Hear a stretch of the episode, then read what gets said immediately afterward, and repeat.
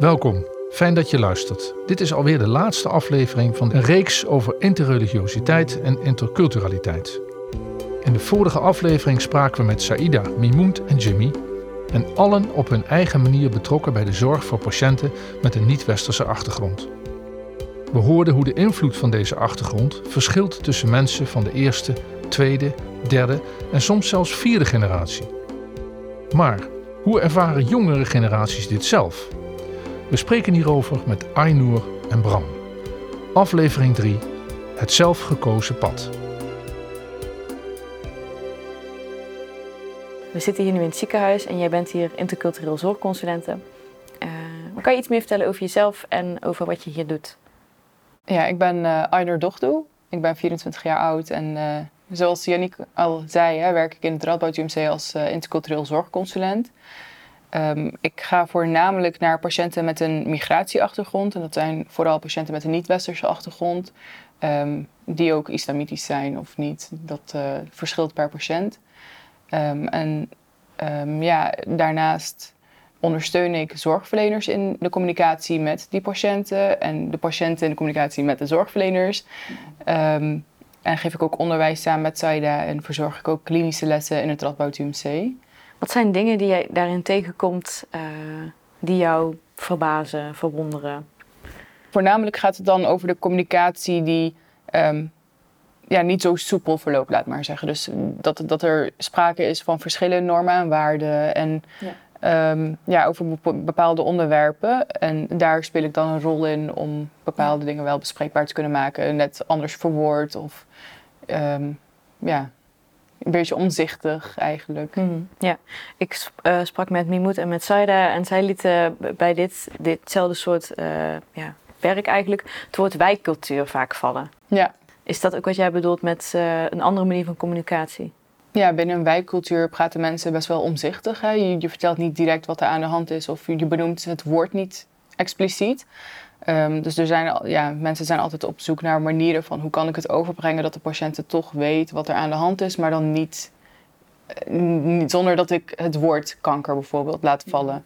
Dus ja, en ja, soms verbergt familie bepaalde, ja, de diagnose kanker verbergt familie ook heel vaak van de patiënt, omdat ze bang zijn dat de patiënt het psychisch niet aan zou kunnen. En het is ook wel um, ja, moeilijk te verwachten van familie om ze te laten tolken bij zulke gesprekken. Want niemand, kan, ja, niemand zou dat willen vertellen aan hun ouders of aan hun kind van je hebt kanker. Ik bedoel, dat is niet de rol van de familie. De rol van de familie is echt het beschermen van de patiënt. Dat is waar zij zich um, ja, over overspannen, laat maar zeggen. Um, en het is de taak van de zorgverleners om de diagnose te vertellen. Maar als je familie laat tolken, dan gaat dat anders verlopen, omdat de familie een beschermingsplicht heeft. Ja. En die bescherming die uitzicht dan in het ook echt letterlijk beschermen van iemand. Voor de diagnose. Voor de diagnose. Ja. Hoe heet Aynur zichzelf thuis in de twee culturen die dat thuis betreffen? Namelijk de Turkse en de Nederlandse cultuur. Mijn ouders die um, hebben echt die hebben me echt heel goed opgevoed, vind ik. Ik ben echt tevreden met, met hoe zij het voor elkaar hebben gekregen om twee kinderen hier in Nederland ja, groot te brengen. Omdat ze zelf al buiten Turkije zijn gekomen en ze hebben hun familie echt heel erg gemist. Vooral vroeger, toen kon je niet zo makkelijk even bellen of naar elkaar toe gaan. En nu heb je internet, kan je elkaar videobellen, je ziet elkaar veel vaker, je spreekt elkaar veel vaker. Dus nu is het wel anders, maar ik, ja, ik, ik um, mijn ouders die vonden het heel belangrijk dat ik zelf mijn keuzes kon maken. En ja, ook bij mijn broer net zo, dat hij zelf ook keuzes ging maken. En ze vonden allebei het heel belangrijk dat we gingen studeren of dat we in ieder geval een diploma gingen behalen. En daarin hebben ze ons ook nooit gepusht van nee, nee, je moet dit doen of nee, je moet uh, dat voor studie gaan volgen. Het was echt onze vrije keuze van wat wij wilden gaan doen. Um, ja, ja dat, zo stonden ze er eigenlijk voor. En ze hebben me wel naar de moskee gestuurd, hè, zodat ik ook mijn geloof leerde kennen. En dat ik dat ook meekreeg. En dat ik daar ook um, in mijn eigen keuze in kon maken van wel of geen hoofddoek dragen. Dus ik, ik, werd nooit gepusht om iets te gaan doen. Nooit gedwongen, zeg maar. Maar ze vonden wel belangrijk dat ik dan de Turkse taal ging leren. En van huis uit heb ik de Turkse cultuur, ben ik met de Turkse cultuur opgegroeid. Ja. Um, ja, en ook religie, dat vonden ze ook belangrijk dat ik dat meekreeg. Ja. ja. Dus dat heb jij meegekregen, zeg je, religie. En wat, wat betekent het nu voor je? Ja, heel veel. ja. ja, religie is persoonlijk voor iedereen. Hè? En ik, ik ben zelf moslim. Ik geloof ook in de islam. En voor mij is het ook wel belangrijk en geeft ook wel invulling in mijn dagelijks leven. Ehm, het, ik maak ook bepaalde keuzes, maak ik ook door rekening te houden met wat mijn religie daarover zegt. Dus ik ben er wel mee bezig. Ehm, ja, het, het, is een houvast in mijn leven en het geeft mij ook ja, betekenis aan het leven, laat maar zeggen, zou ik maar zeggen. Ik weet niet hoe ik het anders moet verwoorden, maar voor mij is het gewoon heel fijn ja. om het geloof te hebben, zeg maar. Ik ben ook wel nieuwsgierig naar. Ehm, eh, je kan van alles zeggen over de positie van de vrouw in de islam. En met Saida heb ik het daar ook over gehad. Ze heeft daar een heel mooi stuk over in haar boek geschreven. Ja. Dat hoor je ook in een andere aflevering. Ehm, hoe zie jij jouw positie daarin? Ik heb altijd wel gewoon het idee gehad dat ik gelijkwaardig werd behandeld. En ja, ook door mijn ouders. Hè. Mijn broer en ik zijn niet verschillend opgevoed of zo. Ik bedoel, hij doet dingen in huis, ik doe dingen in huis. En het was nooit van, jij bent een meisje, dus jij moet dit doen. En jij bent een jongen, dus jij gaat dat doen, weet je. Zo ben ik nooit opgevoed ook. Maar ik ben ook gewoon, ik zit ook als persoon in elkaar van, als er onrecht wordt gepleegd, dan spreek ik daar ook over. Zeg maar, als iemand mij gaat, anders gaat behandelen omdat ik een vrouw ben, dan ga ik daar ook op in. Ik, zeg maar, ik laat me dan niet uh, klein houden. Ehm, misschien komt het ook door mijn houding dat mensen dat niet op die manier doen of zo. Of misschien ehm, het kan ook zijn dat ik mij een beetje aanpas als ik merk dat mensen daar anders over nadenken. Dat ik niet heel veel in de buurt van die mensen kom. Kan ook, ik weet niet wat het is, zeg maar. Dat zou ook kunnen, hè. Dat wat automatisch gaat. Maar ik heb nooit echt het idee gehad uh, van uh, ze behandelen me anders omdat ik een vrouw ben of zo. Dat niet. En ook niet omdat, ja, en ook niet omdat je een, uh, een, een, vrouw bent die in de islam gelooft. Ja, soms wel bepaalde opmerkingen die je dan krijgt. Hè, van als we dan bijvoorbeeld over het dragen van een hoofddoek hebben. Ik bedoel, ik vind het heel mooi dat vrouwen een de keuze nemen om een hoofddoek te dragen. En ik sta daar ook volledig achter als ze dat willen. Hè. Um, en als ik daar ook over spreek van, bijvoorbeeld ik zou later misschien ook wel een hoofddoek willen dragen. Of ik denk er ook wel eens over na om, om het te doen. Bijvoorbeeld als ik dat verwoord bij sommige mensen, dan is het wel echt zo van, oh maar dat hoeft toch niet en uh, waarom dan? En dan merk je wel gewoon dat mensen niet begrijpen waarom sommige vrouwen ervoor kiezen om een hoofddoek te dragen. Wat dat voor hen betekent. Mm. En heel veel mensen denken ook bijvoorbeeld dat vrouwen worden onderdrukt en een hoofddoek moeten dragen. Dus niet de keuze hebben. Dat kan ook voorkomen natuurlijk. Hè? Maar er zijn ook heel veel vrouwen die, vrouwen die gewoon zelf de keuze maken om een hoofddoek te dragen. Ja. Dus ja, en hoe is het voor jou is er wel een heel eenzijdig beeld van wat, wat de werkelijkheid is. Ja. Wat, wat, wat het voor iemand betekent. Daar is dan niet zo heel veel oog voor, omdat er een soort stereotyp beeld is gecreëerd over vrouwen moslim, ja, islamitische vrouwen, laat maar zeggen, moslimvrouwen. Um, ja. En hoe is het voor jou als mensen dan eigenlijk dat stereotype beeld jou gaan voorhouden, terwijl jij al zegt... Ik vind dat echt niet fijn. Dan, ja, nee, dan denk ik echt van, je kent me niet. En dan heb je al zo'n beeld over mij van... Uh, ik bedoel, dan komen er ook soms vragen van uh, waarvan je weet dat ze een bepaald mening hebben. En dat verwerken ze dan in een vraag. En dat stellen ze dan op die manier aan jou, zeg maar. Dus dan heb ik al zoiets van, dit klopt niet, weet je. Je hebt al een vooroordeel en je, vraag, stelt op die manier een vraag aan mij. Dan sta je al niet open in het gesprek. Dat, daar ben, dat merk je wel heel snel op dan, hè. En ja, dat vind ik zelf niet fijn, nee. Nee. Iedereen heeft een eigen... Iedereen geeft een eigen betekenis aan het geloof. Iedereen beleeft zijn, zijn of haar geloof op op zijn of haar eigen manier. Ehm, er is niet één soort moslim.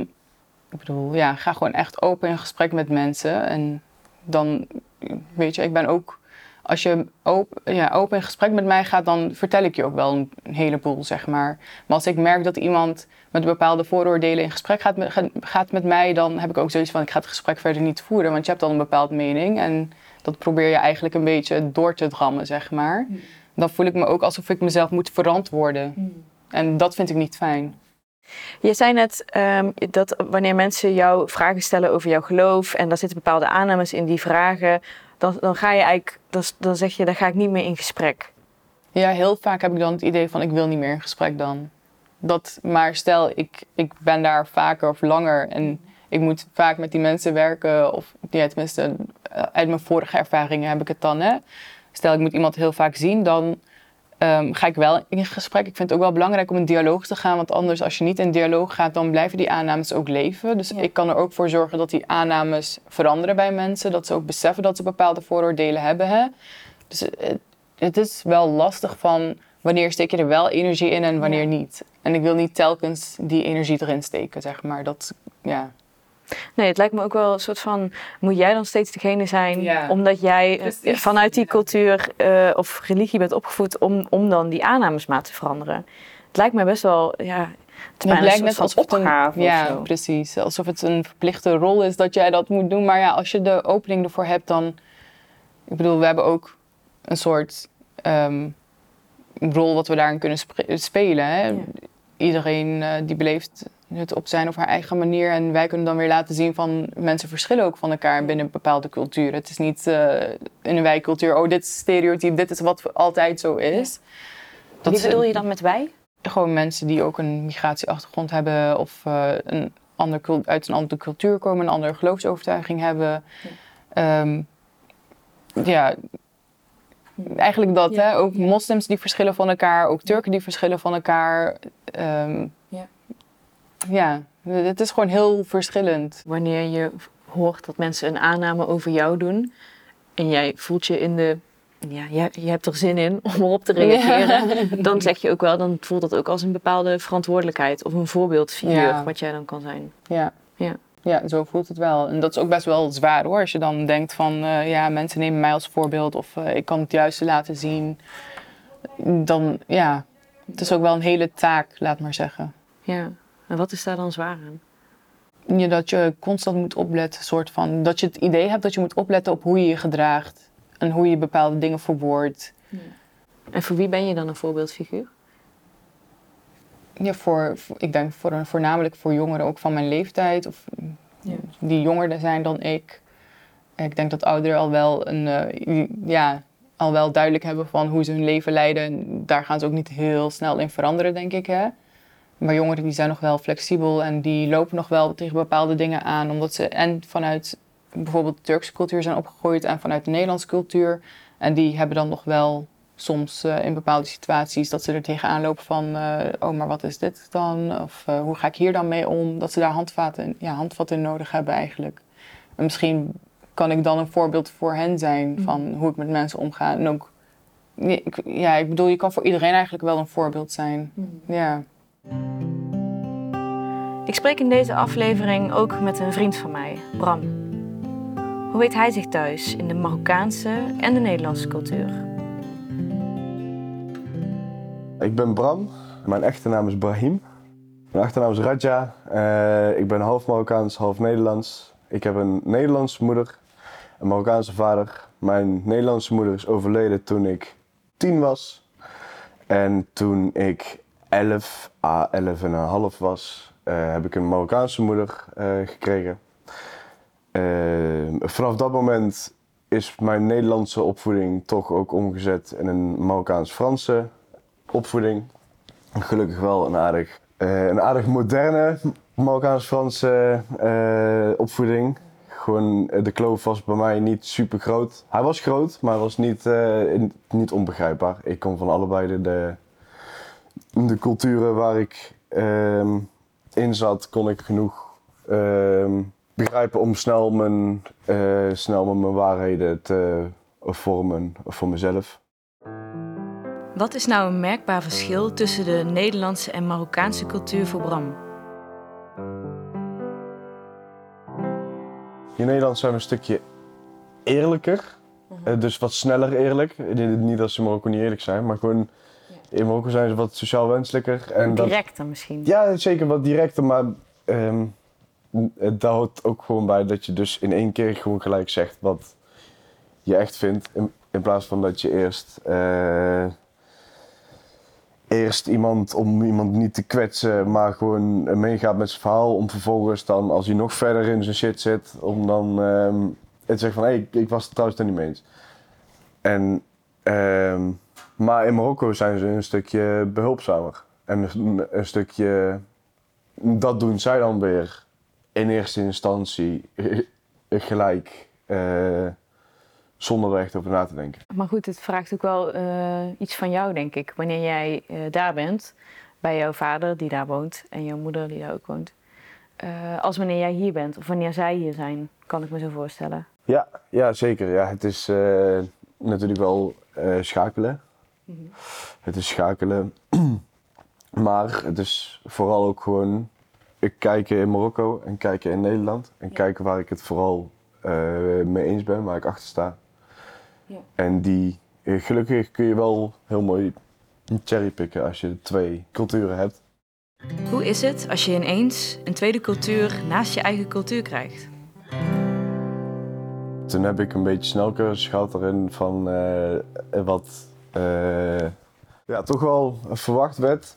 Ehm, en op het moment zelf ja, heb ik, ik heb ook echt geprotesteerd. En, en, en het ging ook niet eh, super makkelijk. Het was niet dat ik ineens allemaal dingetjes eh, zomaar uit mezelf zomaar kon verzinnen van dit is precies wat er van me verwacht wordt. Op het begin wist ik ook gewoon überhaupt niet wat er van me verwacht werd.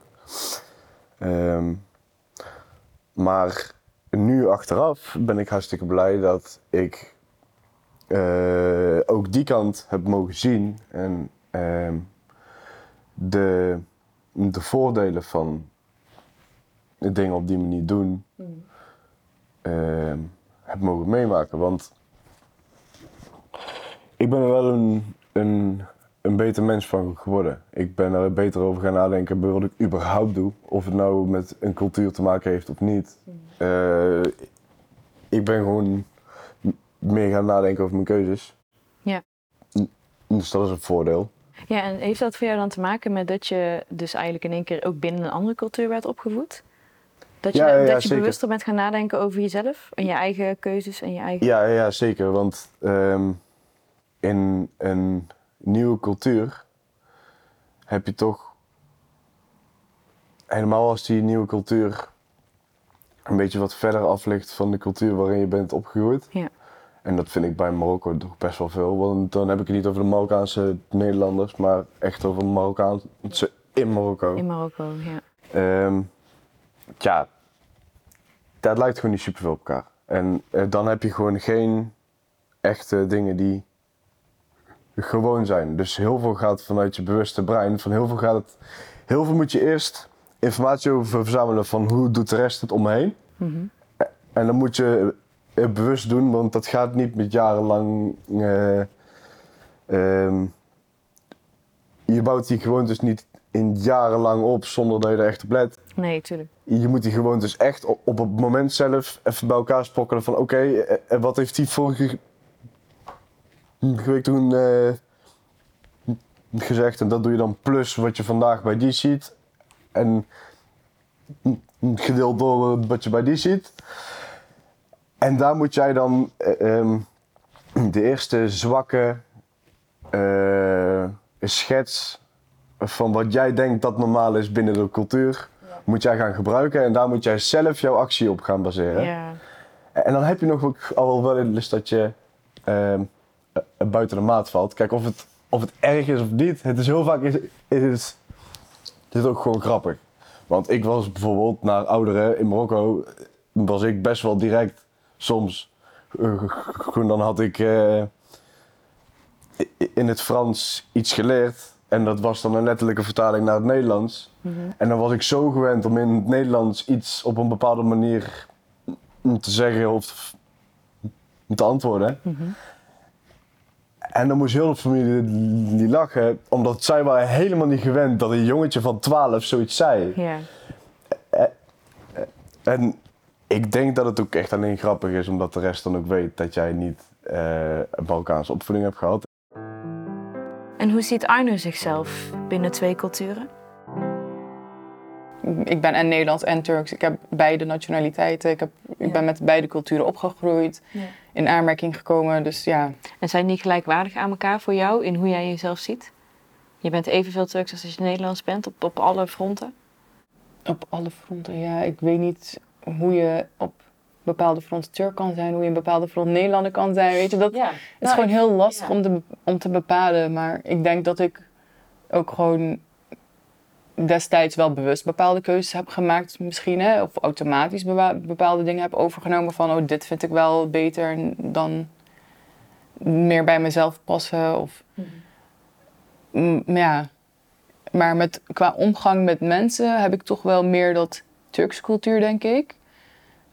Ehm, ja, ook omdat ik gewoon vanuit huis met de Turkse cultuur ben opgegroeid. En mm, ja, mijn ouders vonden ook altijd belangrijk hoe ik met ouderen omging of met andere mensen omging. En daar heb je dan bepaalde omgangsvormen bij. Hè. Dat heb ik ook allemaal aangeleerd gekregen. Dat is er wel gewoon bij ja, ingebleven. Ja. Ehm, ja. Mhm. En jij kan, jij, voor jouw gevoel ben je even thuis in de Turkse als in de Nederlandse cultuur? Ja, ja, en ik wil me ook niet zeg maar, zo voelen alsof ik er niet bij hoor. Want ik ben gewoon hier geboren en hier getogen. En ik ben ook gewoon Nederlands. En ik werk hier, ik betaal die belasting hier. En ik bedoel, ja, ik doe mee, weet je. En ik hoor hier ook. En ik hoor ook gewoon binnen de Turkse cultuur. Ik spreek de Turkse taal. Als ik op vakantie ben, ben ik bij familie, kan ik Turks mensen spreken. Dan weet ik ook gewoon wat ze met bepaalde dingen bedoelen. Dus ik kan me in beide culturen wel vinden en ook begrijpen. Ja. Ja, en dat, hadden, dat hadden we straks over. Dat dat misschien er ook wel aan ligt dat jouw ouders allebei Turks zijn. Ja. Dus, ja. ja. Dat je, uh, ja, dat dat vanuit, denk ik dan, thuis uit best wel een, een eenduidige uh, ja, beeld was. Ja, mijn, mijn ouders komen ook gewoon uit hetzelfde dorp. Dus weet je, ze zijn ook met dezelfde mensen opgegroeid. Ja, het is een kleiner dorp. Iedereen kende elkaar. Um, ze komen uit hetzelfde dorp, uit dezelfde stad. En dan komen ze al bijna naar Nederland. Weet je, ze hebben heel veel dingen gemeen. En ze voeden je dan ook met, ja, best wel in één lijn op daarin. Ja. Ja, dus de Turkse cultuur was wel uh, de overheersende cultuur thuis, nog steeds wel. ja. En mijn omgeving bestaat ook voornamelijk uit. Um, ja, mijn ouders die kennen dan vooral Turkse mensen uit de Turkse gemeenschap. En uh, daar gaan ze dan ook heel veel mee om dat zie je ook wel vaak dat mensen elkaar opzoeken vanuit dezelfde, die dezelfde cultuur hebben. Mhm. Ehm, ja, dus de echte mensen, echte kennissen, de familievrienden die we hebben, die zijn wel voornamelijk Turks. En daar groei je dan op in zo'n cultuur. En op school kom je dan ook in aanmerking met Nederlandse cultuur en op straat en, en noem maar op, overal eigenlijk wel. Dus dan, ja, begrijp je dat ook weer en dat ook weer. En daaruit neem je dan bepaalde dingen mee. En dat gaat ik denk ook best wel automatisch. Je staat er niet echt bij stil van, oh, dit is typisch Turks, dat neem ik over. Oh, dit is typisch nee, dat neem ik over. Zo gaat het gewoon niet. Zijn er soms wel dingen in de, de een of de andere cultuur waar jij van voelt van, hier kan ik niet in mee, want dit is een strijd met het andere? Ik kan het allebei gewoon begrijpen. Ja. Dus ja, om, en ik denk omdat ik het ook kan begrijpen en relativeren, dat ik dan niet echt zo'n idee heb van, dit is een strijd of zoiets. Maar ja, ik heb gewoon ja, ik heb respect voor meningsverschillen als mensen uh, verschillen van elkaar in bepaalde gedachtegangen, gedachtenwijzen of noem maar op, dan is dat zo, weet je. Ik bedoel, ja, ik zie het niet echt als een strijd of zo van uh, help, wat moet ik nu? Moet ik de ene cultuur of de andere? Weet je, zo zie ik het niet. Nee. Nee, ik merk ook dat ik het, als ik die vraag aan jou stel, dan polariseer ik het een beetje. Nee, ja. Dat doe ik wel. en dat, dat heeft dan ook te maken, denk ik, met dat ik niet die kaders, ik heb niet een ander kader waarvanuit ik denk, uh, de, de, zoals jij dat hebt, zeg maar. En ergens ben ik daar dan, ja, ik vind dat heel rijk. Als je dat wel hebt, dat je zo je kunt inleven in, zo is het om in een andere cultuur te zijn en, en daarnaast ook nog in die cultuur. Ja, dus, ja, ik had laatst bijvoorbeeld tijdens onderwijs een vraag van iemand van Um, heb je wel eens dat je botst met je normen en waarden met, met een patiënt of uh, met iemand anders? En ik moest echt heel erg nadenken en ik dacht echt van, ik, ja, ik weet niet, weet je, ik heb dat nooit echt zo, mhm. zo opgemerkt of zo gevoeld of zo. Ik bedoel, ja, heb zoiets van iedereen heeft eigen normen en waarden. En als dat bij jou zo is, dan is dat zo. Als je mij met respect behandelt, dan is er geen probleem, zeg maar. Dan kan ik me wel inleven. Maar als iemand zich onrespectvol gaat gedragen, dan ga ik wel botsen met diegene. Maar dat is dan niet per se... Ja, kan ook met normen en waarden te maken hebben. Of, uh, of je iemand respecteert of niet. Of hoe je iemand behandelt. Dan kan er wel sprake zijn van een botsing. Maar het is niet... Um, ja, dat, ja, ik weet niet hoe ik het moet verwoorden, het is echt lastig. maar ik vind omgang met mensen vooral heel belangrijk. En zolang iedereen elkaar respectvol behandelt en accepteert dat er verschillende normen en waarden zijn, dan kan ik me overal wel een beetje in vinden, zeg maar. Dan Ja. heb ik daar geen problemen mee. Dan bots ik ook niet met mensen. Nee, nee, het lijkt te klinken alsof je nog meer je richt op de persoon die je voor Ja, je hebt, precies. dan eh, uit wat of welke cultuur die normen en waarden dan ook komen. het ook. Ja. Ja, dus ik denk ook dat het zo is. Ja. En toch merk ik wel, als we het daarover hebben, dat ik eh, lastiger dat als echt één geheel kan eh, visualiseren dan wat jij mij teruggeeft. Ja, en dat vind ik, eh, Ik dat, dat jij dan zo moet denken van, ja, heb ik daar eigenlijk wel strijd in? Nee, want ik kan me echt heel goed inleven op die manier. In een vorige aflevering had ik het met Saida over taboes binnen de islam. Zoals wanneer een man of vrouw op hetzelfde geslacht valt. Hoe kijkt Aino naar dit taboe en hoe verhoudt ze zichzelf hiertoe?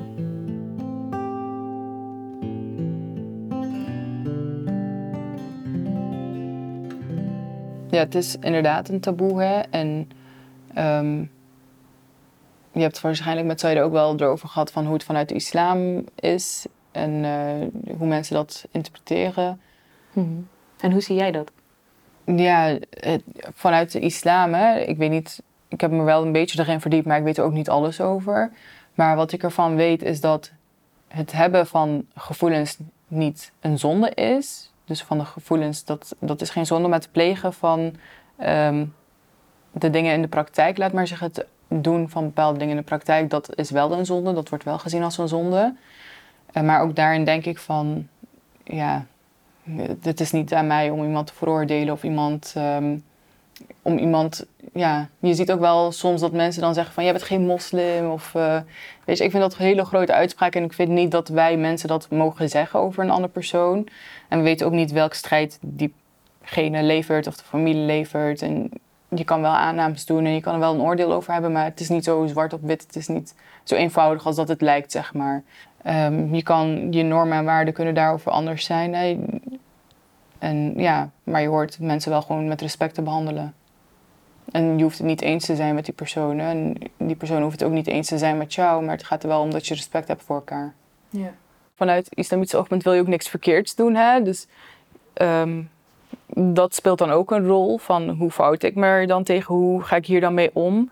Ehm, ik denk dat daarin ehm, wel een rol in kan worden gespeeld van hoe kan je ermee omgaan in een, als je niet, met een niet-westers eh, achtergrond of als je een moslim bent en eh, je werkt ehm, bijvoorbeeld eh, heel veel mensen werken ook gewoon met collega's die ehm, ja, niet heteroseksueel zijn of transgender zijn. Ja, hoe kan je daar dan mee omgaan? Weet je? Dat, dat zijn wel dingen die, die verteld kunnen worden. Of hoe kijkt de islam daar tegenaan? Hoe moet je met mensen omgaan vanuit de islam? Want wat ik weet is dat je mensen goed moet behandelen, met respect moet behandelen. Ehm, zo heb ik mijn geloof ook geleerd. Hè. Goed met mensen omgaan, echt. Het hebben van goede manieren, dat, dat is heel belangrijk. En dat, ja, voor mij is dat het belangrijkste ook. En, zeg maar, mensen kunnen niet aan mij zien van wat ik voor mijn geloof doe, want dat is iets tussen Allah en mij. Als ik ga bidden, dan doe ik dat voor mezelf. Ehm, maar mijn omgang met mensen, dat kunnen mensen wel zien en dat kunnen mensen ook ervaren. Dus daarin vind ik het ook belangrijk om een goed voorbeeld in te geven van, oh, dus moslim, zij is een moslim en zij gaat hier zo mee om. En daar kunnen we een voorbeeld aan nemen. Hoe is het als je, zoals Bram, bij een nieuwe cultuur ook een nieuw geloof in je leven krijgt?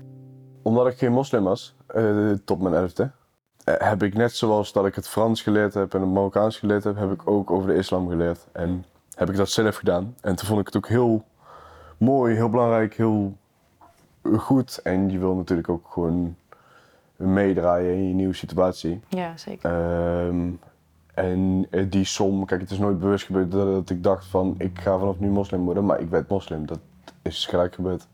Ik heb op het begin heb ik die Ramadan, en net zoals ik de rest van de islam, gewoon overgenomen. Ik ging ook gelijk bidden. Ja. Ik dacht van als ik, als ik wil aanhaken bij iets, dan moet ik sowieso eerst weten waar ik het over heb. Want anders eh, kan ik iets niet volgen en dan, dan gaat het mis bij mij. Nou, ho- hoe kom je over iets te weten? Door ermee bezig te zijn. Eh, Dus ik ging gelijk alles doen. Ik ging gelijk, ik was eh, eh, best wel strikt. Gewoon voor mezelf. Ik dacht van, oké, als ik dit ga doen, moet ik het doen. Nou, en dat, dat zakt gewoon na verloop van tijd zakt dat in. Ja, snap ik. Maar ja, ik bedoel, jouw gezin waarbinnen je dat deed, dat woont nu in Marokko en jij woont in je eentje hier. Ja. Ik snap dat het veel vanzelfsprekender is om binnen dat gezin dat echt standvast te blijven doen, Ja. dan hier in je eentje. Ja, zeker. Kijk, dat heeft er ook mee te maken gekregen. Eh, en daarnaast, ja, eh, wanneer werd ik moslim? 11,5. Ja. En wanneer begint de puberteit?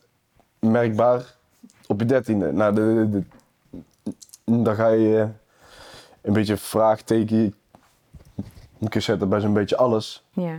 En laat staan iets wat je net anderhalf jaar geleden hebt overgenomen, maar waar- waarvan je eigenlijk nog niet eens een kwart weet. Nee. Nou, en dan, dan merk ik gewoon dat het wel een beetje minder wordt. En toen heb ik ook gewoon nou, heb ik gezegd dat ik meedeed aan de Ramadan, heb ik niet gedaan.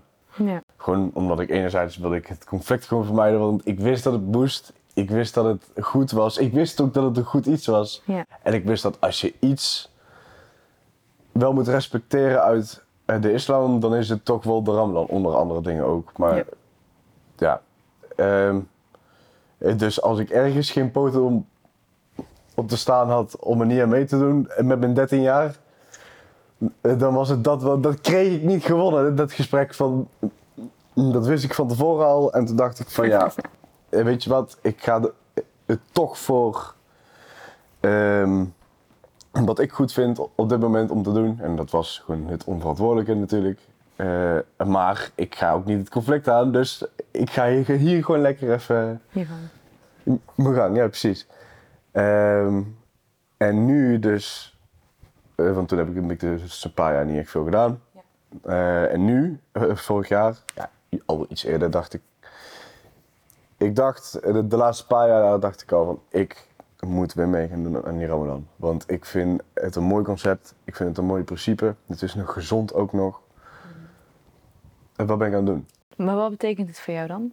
En naast dat je dus ook heel veel dingen niet mag, is het ook de bedoeling dat jij ehm na de afgelopen tijd, maar in elk geval het afgelopen jaar, eh, gaat terugkijken en gaat kijken van oké, ehm, waar ben ik nou echt verkeerd geweest? En dan gaat het, in mijn hoofd gaat het er vooral om dat je gaat kijken van met wie heb ik een, een conflict gehad eh, waar het gewoon mijn schuld was, waar ik onredelijk ben geweest. Waar, waar ben ik onredelijk geweest?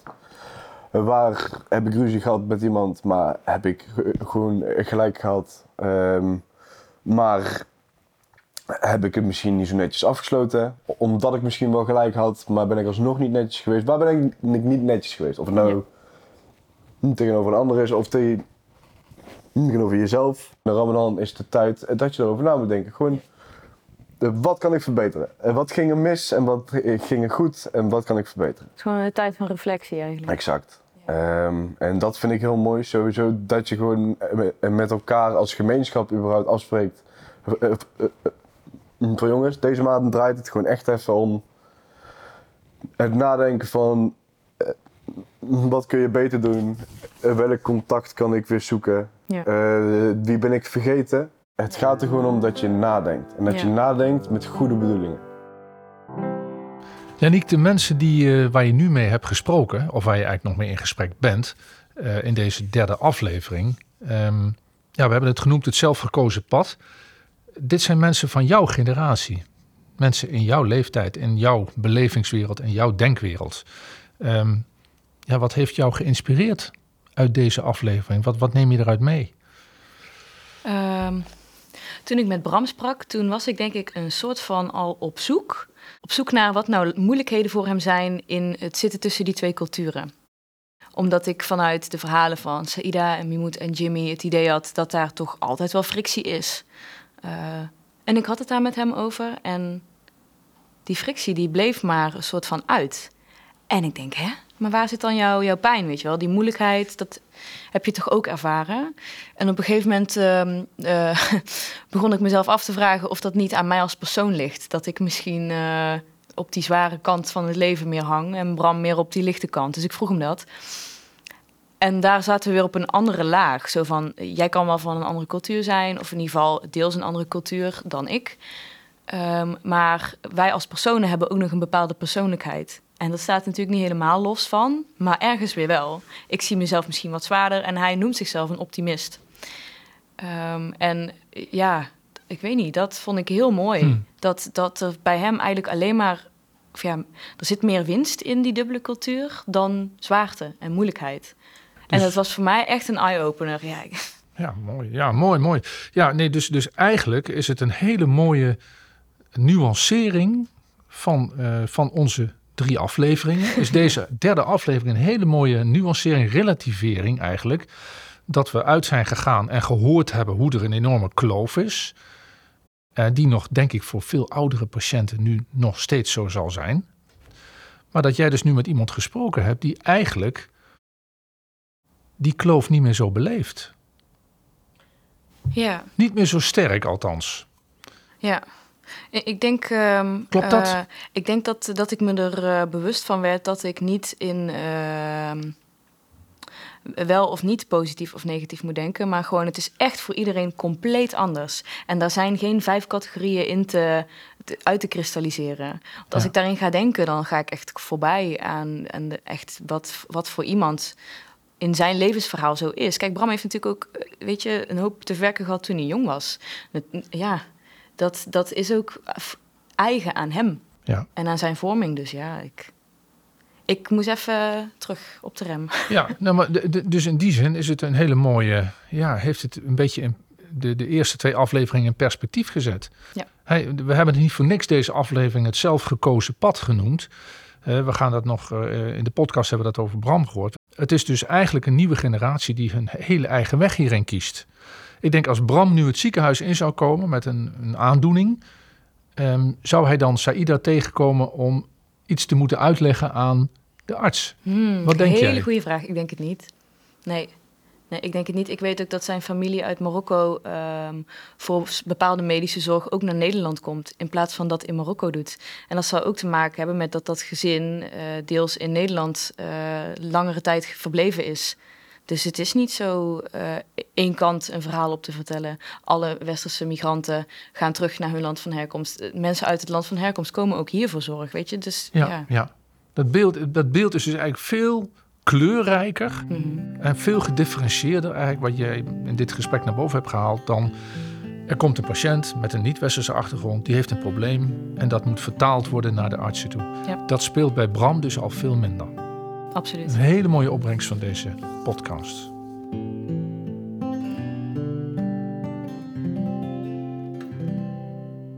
Hier in Nederland heb ik bijna geen contact met moslims. Ik ben echt, eh, Hou zo. ja, hou zo, hou zo.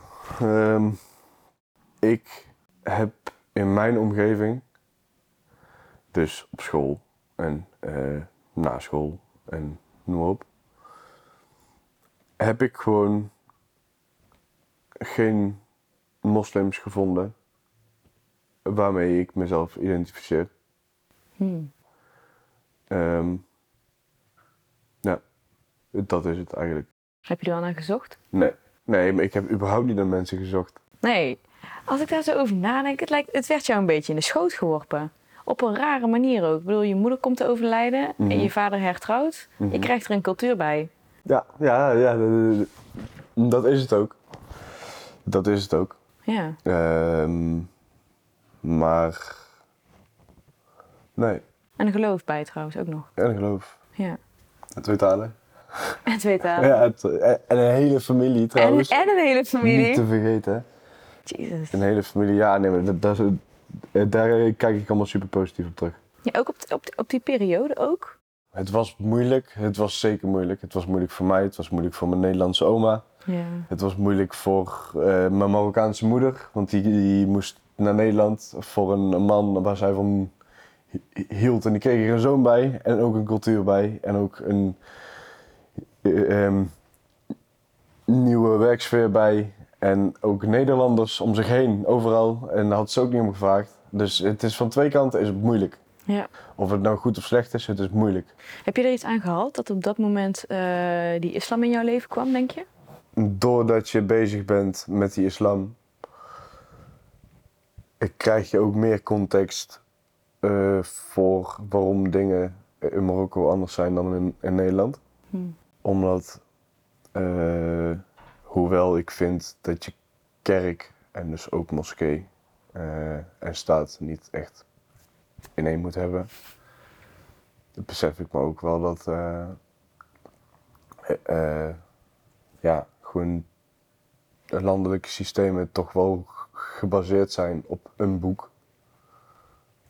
Welk boek dat is, dat eh, is in te vullen, maar het is, het is niet zomaar uit de lucht komen vallen. En Hmm. door toch de eh, ehm, het eerste boek dan te lezen en gewoon een verhaal over te leren kennen, krijg je al sneller begrip van waarom mensen iets totaal anders doen dan dat jij gewend bent voor tien jaar Ja. lang. Ja. En eh, dus dat geeft, het gaf voor mij heel veel antwoord. Leven met en tussen twee culturen en landen. Bram doet het al jaren, bijna al vanzelf. Maar het is niet altijd zo geweest. Hoe vind je je weg daarin? Ik denk dat het eh, voor veel mensen, die zien het als een eh, hele grote opgave zonder uitwerkmodel. En dat is het ook. Maar dat betekent niet dat je er geen antwoord op kan geven. En met antwoord geven bedoel ik eh, dat je kunt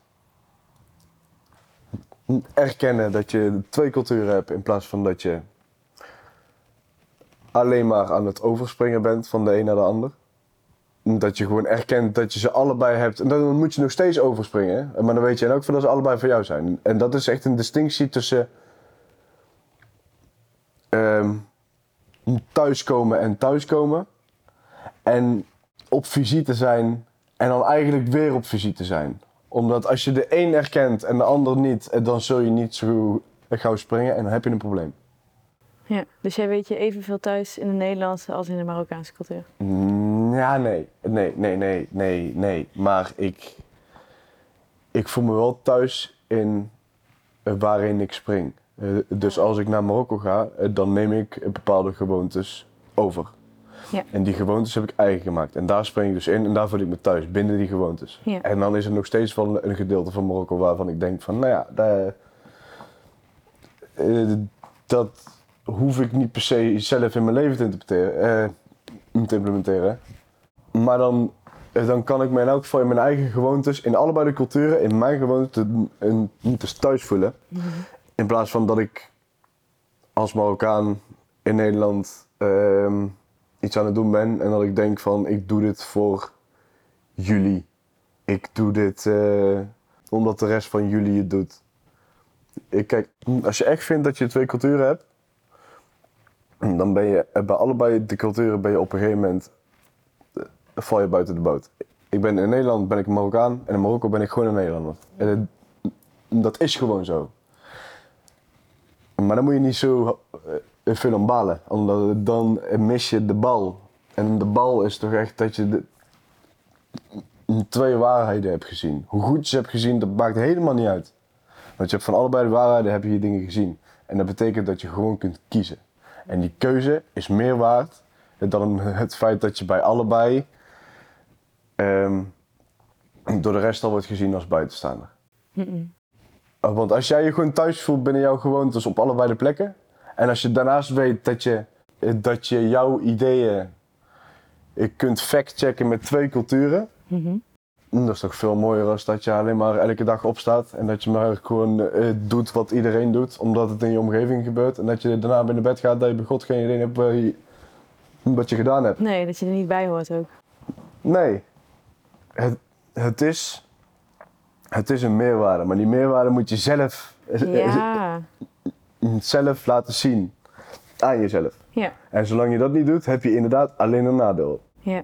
Ja, dan voel je je nergens thuis. Ja, en als ik iets wil meegeven, of als ik iets probeer mee te geven aan iemand van een andere cultuur die met een probleem op aankomt, dan zeg ik dat gewoon van begin daar. En dan kun je daarna altijd nog kijken van waar je nou nog steeds zo mee oneens bent en zo. Klinkt heel rijk, wel. Ja, ja, maar zo moet je. Kijk, je moet het ook een beetje verkopen aan jezelf, Janiek. Het is niet dat je. Het, is maar net hoe je je kaarten zelf voor je uitlegt. Als ik terugkijk op hoe Bram omgaat met zijn dubbele culturele achtergrond, denk ik dat ik aan de hand van de gesprekken die ik heb gehad in de vorige afleveringen verwacht had dat hij wel een worsteling zou hebben met die dubbelheid. Wat logisch is vanuit de gesprekken met Saida, Jimmy en Mimoet die mensen ondersteunen bij die worsteling. Maar eigenlijk vernauwde dat mij ruimte om de dubbele culturele achtergrond als iets positiefs te interpreteren. Bram staat als optimist in het leven, zei hij. Maar hoe komt dat zo? Ik heb op een vroege leeftijd heb ik moeten leren, ehm, of heb ik moeten leren, heb ik mezelf aangeleerd hoe ik van een, een rotsituatie een, nou, eh, een leefbare situatie kan maken. Um, ja, natuurlijk kun je niet iedereen wat uh, ik de keer mijn jeugd heb gehad, al heb ik het prima gehad. Kijk, daar ja. heb je het. Uh, als je er goed mee om leert gaan, mm uh, is dat dingetje van een optimist zijn, heeft daar ook echt wel mee te maken. Ja, ja dat denk ik. dat is daar onderdeel van. Um, en ja, ik denk dat het daardoor is. Van dat ik toch zonder al te veel hulp de dood van mijn moeder heb verwerkt. Ik kan er urenlang over praten en daarna het, de situatie afsluiten en er ook niet meer over nadenken. En dat is voor mij wel genoeg bewijs dat ik omtrent die situatie toch wel kan gaan en staan waar ik wil, eh, zonder dat ik eh, het verleden weer bij me terugkomt. Mhm omdat ik kom bij het verleden terug als ik wil en daarnaast niet. Oh, wat ben je een vrij mens zeg. Je kiest gewoon heel de tijd, dit werkt voor mij, dit niet. En dat doe ik dan. Ja, zeker. Lijkt me heerlijk. Ik heb me dat wel echt eh, bewust aan moeten leren. Het is niet dat dat zo in me zat, dat ik dat gewoon uh, deed. Nee, natuurlijk. niet dat ik je dat uh, niet, uh, en niet erken, hè? alsof het je maar aan is komen waaien ja. of zo. Ja, optimist, nee, ik werd wakker, ik was zo optimist. Ja. nee, het is toch wel een beetje wat je mee heeft gemaakt. En uiteindelijk denk ik ook, ik ook zo van als ik toen mijn nieuwe moeder net in huis kwam en ik had haar niet erkend en ik was gaan thee gestribbelen, dan had ik gewoon een probleem gehad. Hm. Omdat dan had ik nu niet um, die, die mooie lessen eh, gehad. En nu kan ik er uiteindelijk nog steeds mee doen wat ik wil. Hm. Eh, ik ben nog steeds de Nederlander. Dus zoals mijn echte moeder me heeft opgevoed. Maar ik heb de rest als bonus. En die bonus had ik gewoon niet gehad als ik uh, mezelf had afgesloten en niet een nieuwe situatie had erkend. Dit was de laatste aflevering van de derde reeks van onze podcast Krachtbron. We hopen dat het je aan het denken heeft gezet en inspireert. Fijn dat je hebt geluisterd. Tot de volgende keer. Wil je meer afleveringen van deze podcast beluisteren? Abonneer je dan via jouw favoriete podcastplatform.